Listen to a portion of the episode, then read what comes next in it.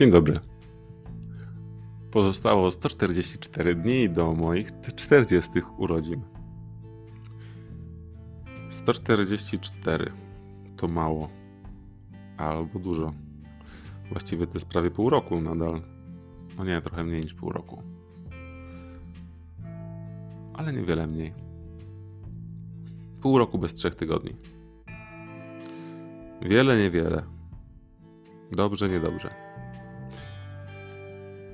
Nie wiem, czy to dobrze, czy niedobrze, że tylko albo aż tyle zostało. Um, natomiast dzisiaj dalej chciałbym pociągnąć temat z, z, z ostatniego odcinka, czyli temat oceniania. I tak jak e, wczoraj zastanawiałem się nad tym, jak zmniejszać w sobie ten dryk do, do wyrażania oceny, która jest nie do końca budująca często albo wspierająca. Tak, dzisiaj chciałem pociągnąć ten temat, żeby powiedzieć, opowiedzieć Wam o tym, co ja czuję, gdy jestem oceniany i jak, co mi to robi. Bo wydaje mi się, że że żeby mieć e, empatię w jakiś sposób, albo rozumieć osobę, która się zamyka z powodu tego, że jest oceniana, to warto przyjrzeć się emocjom, które pojawiają się w momencie, kiedy ktoś jest oceniany. Oczywiście każdy jest inny i każdy będzie miał różne emocje, różną e, tolerancję na, na to, kiedy jest oceniany. Szczególnie wtedy, kiedy ta ocena nie jest do końca zgodna z tym, co rzeczywiście ta oceniana osoba czuje. Albo nie jest zgodna z tym, w jakiej sytuacji ta oceniana osoba się znajduje. To jest oczywiście nawiązanie do tego, co powiedziałem wczoraj, czyli że no, każda ocena jest oparta tylko i wyłącznie o jakiś pakiet danych, a nie o wszystkie dane. Nigdy nie mamy pełnych danych w kontekście oceny drugiego człowieka. Zastanawiam się teraz, czy mamy pełne dane w momencie, kiedy jesteśmy jakimś super wspaniałym, długotrwałym, pełnym zrozumienia i akceptacji związku. No pewnie ta ocena wtedy jest e, dużo bardziej precyzyjna. Natomiast czy jest w 100% prawdziwa? To jest bardzo dobre pytanie. Okej, okay, ale do, do meritum. W, no ja jestem w takim momencie, kiedy przez ostatnie mam takie poczucie, że pół roku, co zresztą chyba o tym wspominałem też już, mm, włożyłem bardzo dużo energii, bardzo dużo energii w to, żeby pozbyć się różnych um, blokad i takiego właściwie oceniania samego siebie tak naprawdę słuchając tego podcastu od początku nieraz nie słyszeliście o moim wewnętrznym krytyku, który no, który trudni się, trudni się oceną mnie. I bardzo długo z nim pracuję. E, pierwszy mocny, że tak powiem, łomot spuściłem mu o, to chyba było 6 albo 7 lat temu. Mm, na, e, na takim zlot, to się nazywało Zlot Kobiet. E, on był w Krakowie i na e, pierwszego dnia tego trzydniowego zlotu kobiet były występy mężczyzn, którzy występ, występowali z jakąś i opowiadali o jakiejś swojej prawdzie na scenie przed widownią, której, na której były kobiety. Więc ci faceci po prostu opowiadali o jakimś takim swoim świadectwie e, kobietom. I ja wtedy występowałem, i właśnie moją historią była moja relacja z wewnętrznym krytykiem. Jeżeli macie ochotę posłuchać tego wystąpienia, które no już jest. Nie jestem już do końca tą samą osobą, którą byłem tam, e, ale na YouTube, jak wpiszecie męskie gadanie Tomasz Sol, to, to wam powinno wyskoczyć. Więc yy, praca z moim wewnętrznym krytykiem, wspaniałym specjalistą od oceniania wszystkiego dookoła i mnie przede wszystkim, zaczęła się już dawno. I teraz y, jestem w takim momencie, kiedy naprawdę tym wewnętrznym krytykiem i bardzo mocno myślę, że go ujarzmiłem tak, że on totalnie nie jest, y, nie jest tak silny, jak był kiedyś. I ale też jest taki jakiś element, gdzie, gdzie mam wrażenie, że trochę się z nim dogadałem. Że mm, oboje wiemy o swoim istnieniu i wiemy, gdzie są. No nie, chciałem powiedzieć, że wiem, gdzie są granice, ale myślę, że on nie wie, że on nadal, on nadal ma swoje wyskoki. Na szczęście ja widzę te wyskoki jego i to jest. Um, umiem go złapać na gorącym uczynku. W większości przypadków. Więc trzymam go, nazwijmy to, że trzymam go na smyczy i staram się, żeby ta smycz była jak najkrótsza. Ta smycz jest tutaj istotnym elementem, bo ona pozwoli mi na opowiedzenie y, tego, co ja widzę dzisiaj, w momencie, kiedy kiedy ktoś pozwala sobie na ocenę mnie, no nie do końca mając świadomość wszystkich aspektów. Więc mam wrażenie, że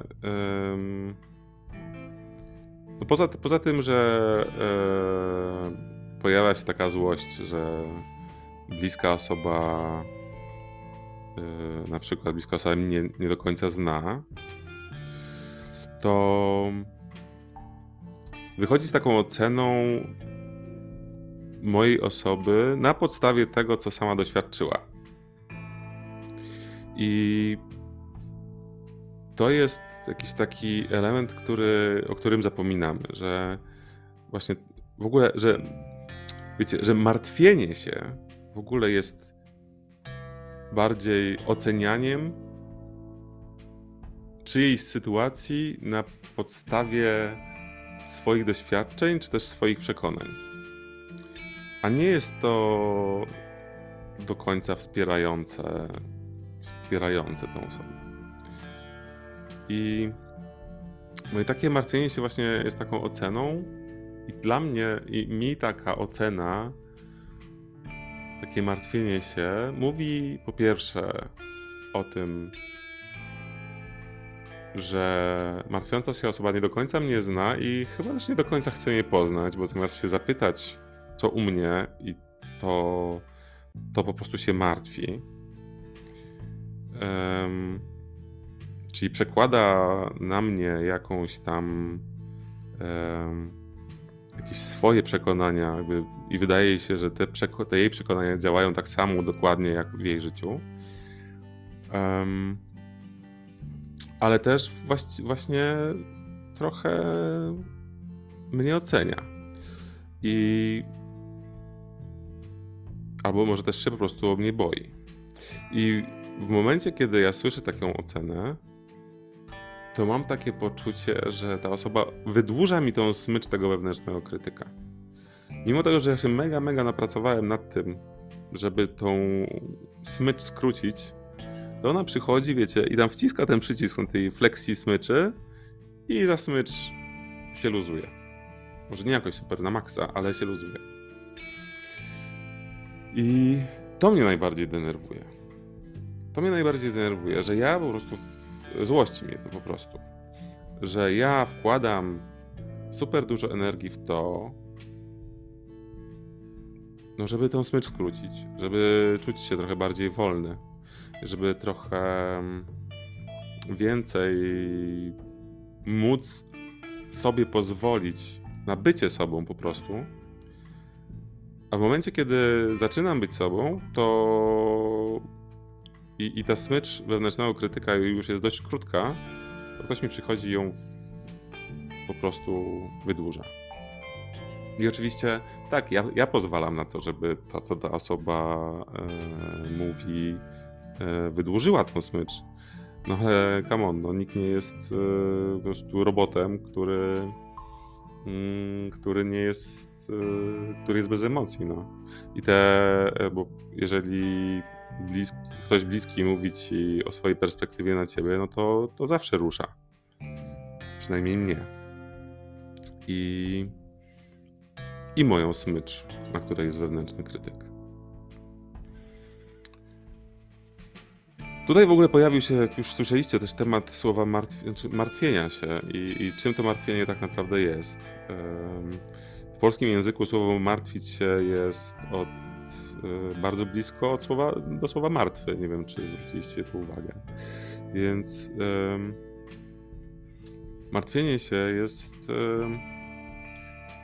no nie wiem, jak, jak konotować, y, jak, jak, jak łączyć to z tą osobą, o którą ktoś się martwi. Natomiast nie, nie, łączyłbym tego w ten sposób, że życzy mi jej śmierci, broń Boże, bo na, na pewno nie o to chodzi, ale zastanawiam się, czy to martwienie się nie jest po prostu jakąś taką swoistą martwą energią, która tak naprawdę nic nikomu nie daje. Poza tym, że e, wyraża e, lęk jednej osoby, którego opiera o tylko i wyłącznie własne doświadczenia, no bo innych nie ma.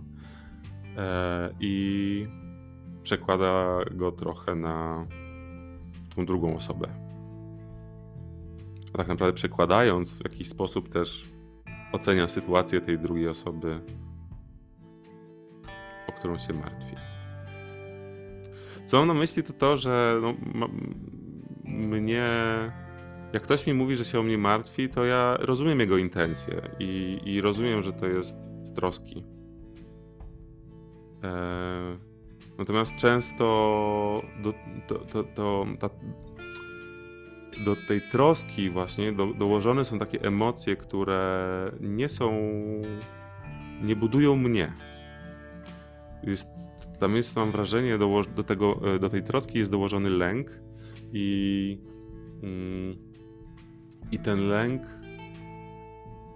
wyrażany właśnie tym martwieniem powoduje, że zamiast wspierać tą osobę, o którą się troszczymy, to że dokładamy jej tak naprawdę jeszcze jakiejś własnej emocji, która no w jakiś sposób ją obciąża. Ja wiem, że teraz mówię y, w liczbie mnogiej, tak, w liczbie mnogiej aczko, ale cały czas mam na myśli siebie, nie?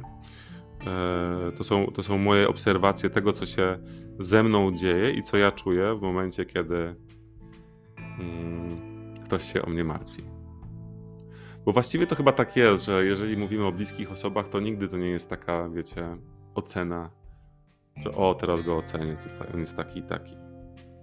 Tylko to ta, ta ocena zawsze gdzieś tam wynika z troski, która jest podszyta różnymi emocjami i przekonaniami, które martwiąca się osoba ma w sobie. I, I to też nie jest tak, że ja chcę oceniać to martwienie, nie? Że to jest złe. Nie, nie, nie, bo to jest znowu kolejna ocena. Tylko chcę po prostu zwrócić uwagę na to, że martwienie się to jedno, a wspieranie to drugie.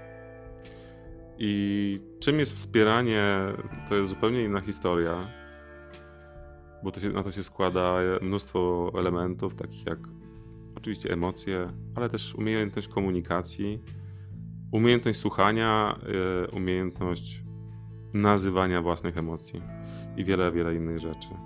Chodzi mi, chodzi, chodzi, chodzi mi o to, że, że moim zdaniem martwienie się nie jest wspieraniem.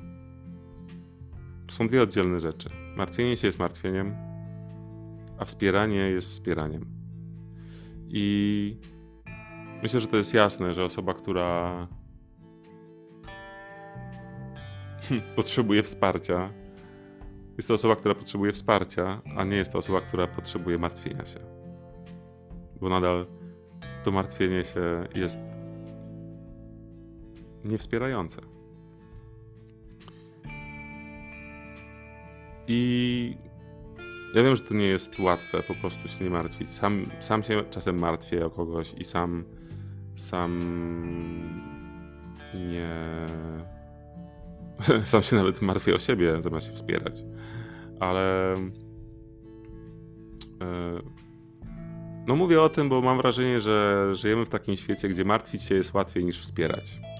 Że wyrażanie zmartwienia jest dużo łatwiejsze niż, e, niż faktycznie wspieranie. Bo wspieranie jeszcze, poza tym, co wymieniłem wcześniej, jeszcze wymaga też zrozumienia tej drugiej osoby. Bo jeżeli nie, nie zrozumiemy tej drugiej osoby, to, to nie będziemy w stanie jej wesprzeć. A prawda jest taka, że żeby zrozumieć drugą osobę, to musimy zrozumieć siebie.